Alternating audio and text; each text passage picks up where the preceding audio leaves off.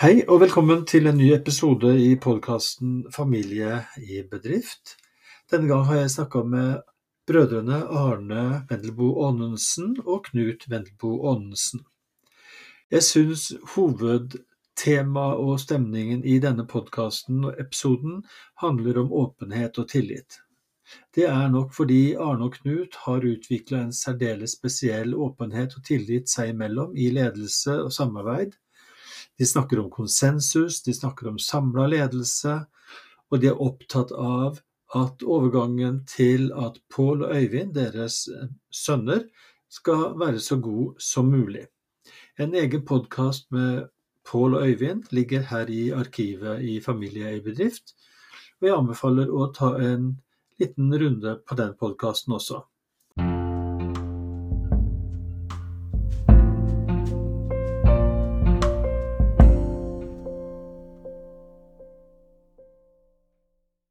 Dagens gjester er altså eh, brødrene Arne og Knut Vendelbo Aanensen. Dere er tredje generasjon i Hagland sin 150-årige historie. Velkommen til dere. Takk for det. Det er en ting som har fascinert meg særlig med deres måte å lede Hagland på. Det er det som dere vel for mange år siden sa at dere kalte samla ledelse. Og den ledelsesformen den har vi jo etter hvert skjønt at det er en del andre som har ment noe om òg. Og dette skal vi snakke en del om. Men aller først, Knut, vil du presentere Arne? Ja, Arne har nettopp passert 74. Eh, det betyr at han har 50 års erfaring. Både fra innland og utland på skipsmegling og på forretningsdrift. Så det er jo hans styrke, den kolossale erfaringen han har å høste av. Eh, det andre som eh, har preget vårt samarbeid, det er åpenhet og tillit. Eh, vi har kunnet diskutere alle ting, og vi tar gode beslutninger sammen, føler vi. Ja. Er det noe du har sett opp gjennom alle disse årene at Arne har tydelig supplert deg på? Arne har økonomiutdannelse, og klart han, det har vært hans uh, hovedinteresse. på en måte Økonomien passer på pengene, passer på at vi hadde nok penger. Uh, min uh, bakgrunn er teknisk, men dette har vokst seg sammen. sånn at nå vil jeg si på en måte at han er nesten like mye ingeniør og, og, som jeg er blitt økonom. Så, så det, det der har vokst seg sammen. Ja, Arne, hvordan vil du presentere Knut? Ja, Knut ble jo å fortelle at han var en av de som var med og grunnla Statoils eh, første år. Eller ledet de første år, siden han var en av de yngre ansatte der. Eh, han har jo en skipsteknisk bakgrunn, og det har ikke jeg, men jeg har lært, prøvd å lære litt av han. Han er en sindig og klok mann, og når han sier at jeg er økonom, så kan jeg jo si at han er jo den som foretar mest av eh, regnskapsanalysene. Så sånn sett så tror jeg at vi utfyller hverandre ganske godt. Ja. For Hvis jeg spør liksom sånn, hva er det du registrerer at opp gjennom alle disse årene han har supplert deg på? Hva, hva, hva, tenker du da? Nei, altså I praksis er vi jo på en måte litt like i business-tankegangen. Ja. Så da er det jo på en måte det som er hans uh, fag, uh, som er den tekniske bakgrunnen som skipsingeniør. Ja. Det er jo en betydelig ressurs. Og det betyr jo at vi utfyller hverandre på mange måter der òg. Ja. Nå introduserte jo Knut deg som en voksen mann. Men han er ikke helt ung, han heller? Han er 18 måneder yngre enn meg, så det er ikke så veldig stor forskjell, nei. nei. Når begynte dere i Hagland? Jeg begynte i 1983. Da var jeg 33 år. Eh, med andre ord er jeg født i 50 og er allerede da blitt 72 og så er det den, den korte avstanden med oss gjorde jo at vi var veldig tette i, i oppveksten. Ja. Og har på en måte fortsatt å være nære venner i tillegg til vi er brødre. Mm. Uh, jeg begynte altså i 1983, og da drev uh, Hagdan egentlig bare skipsmeglervirksomhet. Uh, så syns Arne meg at det var på tide å få litt fart i dette selskapet. Det var liksom ti mann og ti millioner omsetning. Så vi begynte jo i rask rekkefølge rederivirksomhet, eh, regnskapsførsel eller økonomitjenester, skipsklarering, verkstedsagentur og eiendomsvirksomhet i løpet av en femårsperiode. Eh, og det var på en måte sånn at det, var, det var Arne og mine ideer vi syntes at det var interessant å satse på. Og vår far han sa bare ja, kjør på. Ja. Men Startet, dere, ja. startet dere likt, Arne? Nei, altså vi må jo gå litt tilbake i eh, Skru klokka litt tilbake, for jeg begynte sommeren 1978. Da flytta jeg fra Houston, eller hvis jeg ble anmodet om å flytte fra Houston og komme hjem til familiefirmaet. Ja. Fordi min farfar begynte liksom å bli litt på årene, og, og onkel var like gammel. Så etter å ha vært fem år i Oslo og i Houston og lede meglerkontor der, så flytta flyttet jeg hjem som sagt sommeren 78. Den gang var det ti ansatte hos Hageland. Det var eh, noen eh, partnere som vår far hadde hatt. Og så var det eh, Altså vi var fem-seks meglere og noen sekretærer og ettermiddagshjelp og rengjøringshjelp, og that's it. Og så begynte Knut i 83, og da begynte vi å tenke på dette med egen rederidrift etter at en kaptein kontakta oss og spurte om vi ville være med på å investere i skip eh, gjennom en selvlåser, Ja. hvilket vi også gjorde. Ja. Eh, Hvordan ble det sånn at dere skulle både være eiere og daglig ledere i Hagland den gangen? Nei, det var jo slik at vår gamle far, eller vår far, han fikk en aksje eh, av sin far i firmaet, og det samme etter en viss tid så fikk Knut og meg å hver vår aksje. Mm. Og så eide vår onkel og vår, vår far resten. Så det var en sånn gradvis overgang, og det var jo fordi vi hadde meldt vår interesse og hadde tatt en utdanning med sikte på å gå inn i firmaet. Men det var ikke noe opplagt for oss at vi kunne gjøre det. Vi kunne gjerne ha gode jobber i andre steder. Var det litt sånn tilfeldig at uh, det Nei, det, altså, det er jo rett som Arne sa, at uh, du kan si uh, når du hadde jobba som skismedlem, nå, så trengte de jo foryngelse og fornyelse hjemme, og da fikk han liksom litt sånn kallesignal, kunne du tenke deg å begynne. Men det var aldri lagt noen føringer på oss i utdannelse og jobb og yrkesvalg at vi skulle begynne i firma, men vi syntes jo på en måte det var interessant å føre det videre. Det var en kapitalbase der, og det var en god kunnskap om skipsmegling.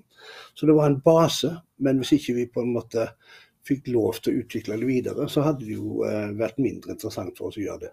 Mm. Men det var jo fem år mellom altså 78 og 83. Så eh, det var jo en periode hvor det ikke var så lett. Offshoremarkedet var i dass. Mm. Og det var ikke så mange nye initiativ man kunne løse. Det er en professor som advarte for en del år siden mot det å ha to toppledere i familiebedrift. Altså å dele lederskapet. Og, og han sa bl.a., noterte jeg dette her, at de nære båndene mellom slektninger kan føre til gnisninger, og det blir vanskeligere å skille mellom person og sak. Han pekte på at det er lett for at man blander seg i hverandres arbeidsfelt, selv om man har definerte roller. Han sa også at det er viktig at nære slektninger husker at man ikke tenker likt. Hvordan tenker dere om det, som jeg opplever på en måte har demonstrert at det er ikke noe? Nei, altså det er jo ingen regel uten unntak, og den professoren her, han har jo ikke møtt oss, vil jeg vel si. Men, men, men det er klart at eh, vi ser jo mange ganger at det ikke går bra. Uh, enkelte familier utpeker en odelssønn, og så blir det full krig med de andre familien. Noen skjevdeler med at en eldstemann skal litt mer, og så ser vi over tid så blir det krig av det òg. Arne vi valgte på en måte så at skal vi drive dette sammen, så skal vi være likestilte, vi skal eie like mye. Og så er det jo basert på at du har eh, forhåpentligvis noen gener og, og noen oppvekst som har gjort at du, blir på en måte kan jobbe sammen i åpenhet og tillit. Og Det er forutsetningen. Svært ofte vil det ikke lykkes, det ser vi jo. Men vi har i hvert fall fått det til, og så får vi håpe at neste generasjon òg får det til.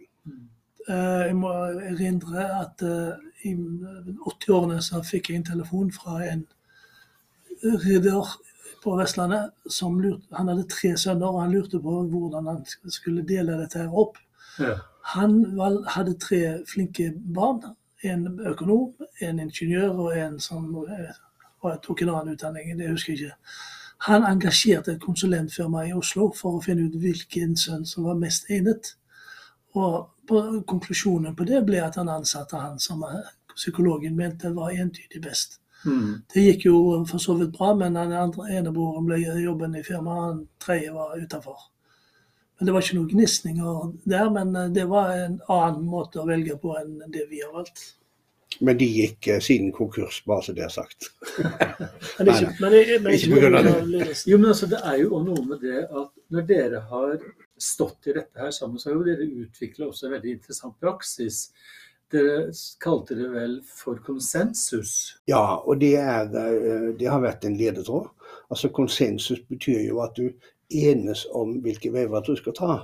Og det er jo alltid det er jo sånn at En enslig leder sitter jo aldri i sitt, sitt uh, elfenbenstårn og tar, tar avgjørelser alene. Ledelse er jo en prosess som består av å bearbeide forretningsideer gjennom de, de, som er medarbeidere og som er ledere i en firma. Det, det, det, er jo det enkle vi har gjort, at vi to har hatt uh, prosess.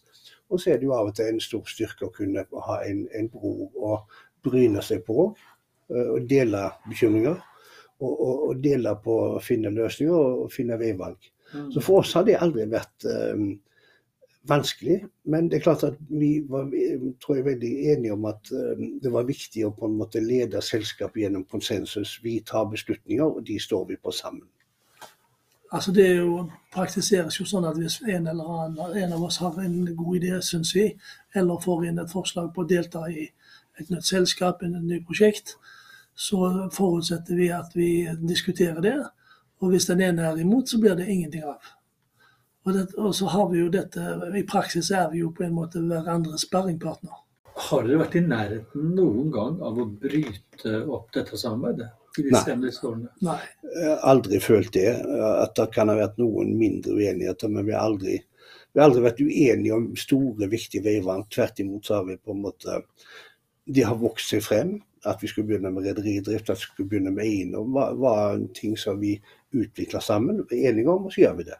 Rederivirksomheten begynte jo med at en kar kom til oss og ville at vi skulle være med på et prosjekt. Ja. Så, så, så, og det prosjektet heter i dag? Nei, Det er Hagland Shipping, det. Ja, det er Hagland Shipping. Mm. Men var ikke dere også med i, i å støtte litt omkring etableringen av eh, andre virksomheter som har gjort seg ganske store òg? Jo, altså vi var jo med og etablerte flere mindre rederier i offshore-glansdagene. Ja.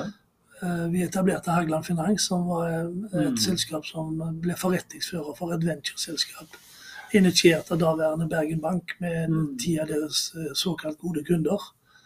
Mm. Eh, og vi investerte i eiendom, som Knut nevnte. Mm. Det er jo noe av det som er bunnplanken i selskapet. Det er at vi har prøvd å bli uh, ved vår lest, men samtidig spre litt risiko. Så Derfor så har vi jo nå flere bein å stå på, og det har jo vært en uh, klok beslutning. Ja. Altså, det kan vel ikke være mulig å leve i alle de åra og alt det samarbeidet dere har uten at dere har kjent på skuffelser og opplevd at en har liksom ikke helt forstått hverandre og alle sånne ting.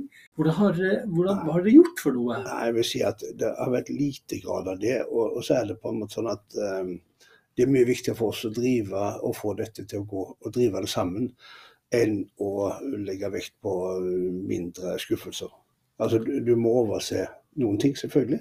Men det har aldri vært noen store um, uenigheter eller store skuffelser i vårt uh, brødreforhold. Vi lærte kanskje noe av vår far som sa når en dør lukkes, åpnes en annen. Ja. Om det var det indre presset som gjorde at den åpna, vet jeg ikke. Men vi har for så vidt alltid vært åpne for oss å se på andre ting enn det vi primært steller med.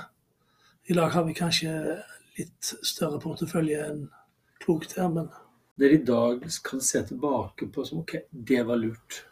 ja, vi har vel alle valgene våre.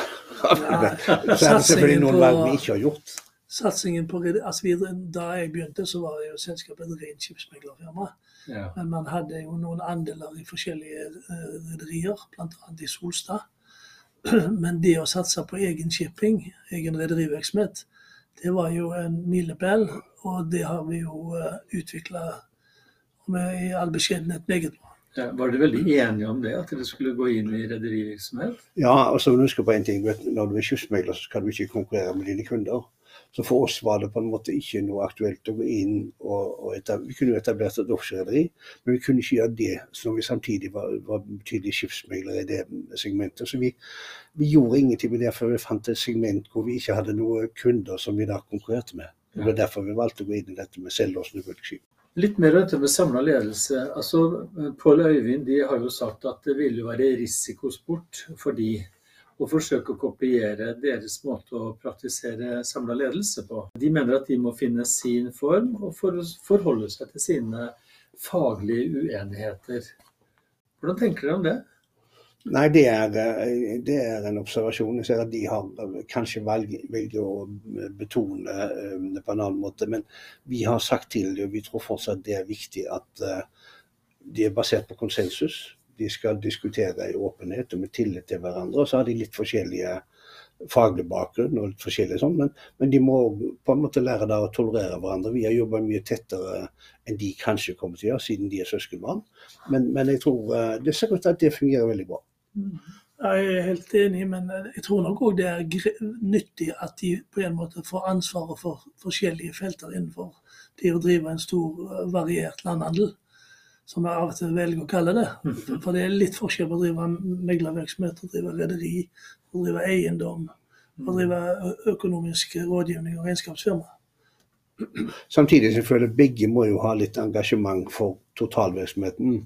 Ellers så blir det litt sånn at uh, det er din del av bedriften, og det er din del. Og det ville, tror jeg, over tid kunne føre til litt sånn uh, at man gikk litt hver sin vei. Mm. Så det er viktig å ha, ha, veldig sans for hverandre, og sans for totaliteten.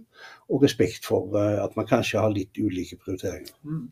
Dere nevnte jo faren deres i, i stad. Og jeg tenker det med å ha lojalitet til eh, hver sin far, knytta til at dere hadde samme far. Har du noen tanker rundt det?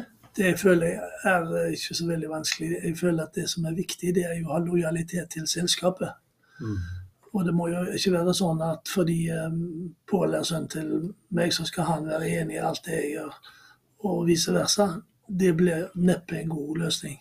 Mm. Så jeg tror det er det at du sammen, uavhengig av hvem som er, man støtter, for å si det sånt, mm. at man tenker firmaets beste. Ja, enig. Hvis dere ville gitt et tips eller et råd til eh, familier som da lurer på om søsken, om nære slektninger skal eh, eie og drive eh, en virksomhet sammen, hvilke råd vil dere gi vanskelig å gi et generelt råd, men det er klart at det er en helt avgjørende forutsetning for å kunne få det til. Det er en enorm motivasjon, en enorm interesse for å drive et firma. Og så hvis det da at det er liksom noen som har den motivasjonen, mens andre søsken ikke har det, så, så er det jo mulig å, å, ha en familiebedrift hvor noen jobber der og eier, og, og mens andre er bare eiere. Vi får gå da over i en sånn situasjon hvor vi har Øyvind og Pål som eier og, og, og, leder firmaet. Og så er det tre søsken som ikke jobber der. Det, mm. det, er en situasjon, det er en litt ny situasjon, men jeg tror det skal de lære å leve med. De må, må lære seg på en måte å leve at de har eiere som ikke jobber i bedriften, og håndtere det på en god måte. Jeg husker det første jeg møtte dere, det var vel i 2016. Vi starta denne prosessen. Og, og, og, da var dere jo litt der at dere lette litt etter veien. Hvordan skal vi gå innover i dette her? Og dere var litt usikre på hvordan ting skulle bli. Men det skjedde jo Det gikk jo veldig fint. Ja, dere står jo vel, veldig samla. Ja, vi hadde eh, jeg tror vi hadde nokså klart for oss hva som var målet. Det var at vi skulle få en smertefri overgang til en ny ledelse. At de skulle være like motiverte og like interessert i å jobbe sammen som vi var. Men det var godt å ha deg, fordi at eh, ja, det er sånne samtaler som ikke nødvendigvis er så enkle, uten at uh, det hjelper å få en katalysator som, som, kan på en måte hjelpe tankeprosessen. Men vi syns jo prosessen har gått veldig bra. Mm. Og så er det jo ikke, ikke vært noe plutselige steg her. Husk på, Vi har jo gradvis overført ledelse i løpet av de siste fem år, og så har vi nå formalisert det i fjor. Eh, og så jobber vi videre med at Arne meg er litt mer tilbaketrukken, men jeg er fortsatt med i, i den daglige drift, men, men ikke, ikke, i forkant. Det er litt interessant å se at jeg måtte bla i jubileumsboken fra da vi hadde 125-årsjubileum. Eh, fordi der står det faktisk at eh, vi ble administrerende direktører i 1991 etter å ha ledet, eller administrert, ledet administrasjonen, eller hva det står, fra midten av 80-årene. Sånn, og Det betyr at eh, den overgangen som har skjedd nå, mm. den skjedde på tilsvarende tid med, med vår far. Mm. Han var administrerende direktør til han var 1969. Men i realiteten så var det Knut og meg som styrte selskapet i praksis. Men det var han som skrev under de viktige papirene. Og alt det vi foreslo, det sa han ja til. Han var alltid positiv til øh, våre ideer. så Det var ikke alle som var så gode, men, men de fleste var gode. og Derfor han bare gi gass. Mm. Og han var med, og vår onkel øh, litt mer reservert til å begynne med iallfall. Men han var med etter hvert og, sa, og ga, ga gass. Men han sa jo øh, de viktige ord for meg, iallfall. Det var du må skjønne hvem dette selskapet er avhengig av. Det er du og Knut. Ja. Det var det største ja. tillit vi kunne få. Jeg, jeg, jeg ser at du blir litt rørt, eh, Arne, når du, når du sier det. Ja, ja, da var det jo min onkel òg. Ja, Det var din- ja, det var min onkel som sa det. Ja, ja faktisk. At vår far mente det, det var jo greit nok, men at vår onkel, som var barnløs, Ja. eh, mente det, det var jo vel så viktig. Ja. Ja. Det er ikke fjernsyn, dette her. Nei. det er Men ikke det. det er en veldig eh, Takk for at dere bidrar veldig åpent. Takk selv. Det er jo akkurat fordi det her handler om masse følelser. Det handler jo om å være familie i bedrift. Jeg mener at jeg har hørt dere si Eller at dere låner Hageland eh, fra deres eh, etterkommere. Ja, det er litt sånn som vet du, de som driver gårdsbruk, så er det jo sånn at um, hver generasjon skal kanskje pløye opp noe ny mark, og ikke minst iallfall uh, levere gården i bedre forfatning enn enn de mottok den. Det tror jeg Vi ble også født litt med det der. Det var aldri sagt, men, men vi følte på en måte at hadde vi gjort jobben vår, så skulle vi jo bringe videre bedriften i mye bedre stand enn var da vi begynte. Det, det er naturlig. Alle bedrifter som står i ro, vil før eller siden gå over ende. Enten så utvikler de, og utvider de, eller så, eh, så blir det gjerne bråstopp. Mm. Det er jo klart at vi kan jo ikke eh, garantere for at våre etterkommere vil følge det opp, men eh, jeg tror nok at i familien så er man veldig innstilt på at dette skal fortsette. Mm. Ja, det er mitt inntrykk òg. Eh, Og så får jo tiden vise, men antagelig ikke når vi er der, hva som vil skje da. Ja. Men, men hvordan tror dere det engasjementet dere har hatt for Hagland, har påvirka familiene deres? Du vet at eh, Hvis ikke de så at vi hadde det gøy altså Det, det å drive forretningsvirksomhet eh, er jo egentlig uh, å ha det gøy. Altså Det er som en hobby, det er en livsstil. Og Hvis ikke de så at vi hadde det kjekt, og at uh, det var kjekt å få ting til å gro og utvikle seg, så tror jeg ikke de hadde vært interessert. De hadde ikke vært motivert for å gjøre det. Men de har vel sett på en måte at ja, familien har på en måte levd og ånda for å ha et familiefirma, og det har de uten at vi har trødd det ned gjennom halsen på dem, for det tror jeg bestemt vi ikke har gjort. Men de har vel erfart at eh, det å drive et familiefirma, det er ganske motiverende. Mm. Du, Arne? Jo da, jeg er enig i det. Jeg føler jo nå når vi nettopp har sjøsatt skip, nye skip, som aldri før i tiden har pågått i Hagland, Mm. så ser jeg jo at det er en viss stolthet. Mm. Altså de barna som ikke er med i, i driften og eh, sånn, Mm. at de føler at dette er litt stas. Mm. Og det er jo kjekt å oppleve. Mm. Ja da. Pål og Øyvind de vet rimelig godt hva de går inn i. Altså De har jobba her og skal fortsette å jobbe her. Dere skal forlate noe i større grad og gå inn i en, en, en tilværelse hvor dere blir brukt, eh, dere blir kontakta, men det er, det tross alt dere blir mer og mer forhenværende. Hvilke tanker gjør dere om denne situasjonen? Det er viktig, tror jeg, på en måte at eh, den eldre generasjon, når du først overlater roret, så må de unge få stor frihet. Uh, og vi skal ikke være bremseklosser, vi skal ikke være syvende far i huset, som sitter og vet alt best. Vi har sett eksempler på det hvor eh, bedrifter rett og slett går til grunne fordi den eldre generasjonen ikke vil gi slipp på roret. Det har vi ikke tenkt å gjøre. Vi har tenkt å bare se til at um, det går rette veien. Bidra der vi kan, og, og være til disposisjon når de føler det. Og så skal vi gå minst mulig i veien. Og så skal vi selvfølgelig, eh, våre ektefeller er jo glad for at vi nå kanskje har begynt å få litt mer tid til reiser, ferier. eh, og, men vi er jo ikke noen kafémennesker, vet du. Det passer ikke an om jeg går gå på kafé fem dager i uken, så vi vil nok ha vår daglige gange for å se til at vår ånd fortsatt hviler over firmaet. Ja, altså, jeg, Min kone føler nok ikke at det har skjedd noen stor forandring, bortsett fra at hun vet at jeg ikke lenger er daglig leder. Nei.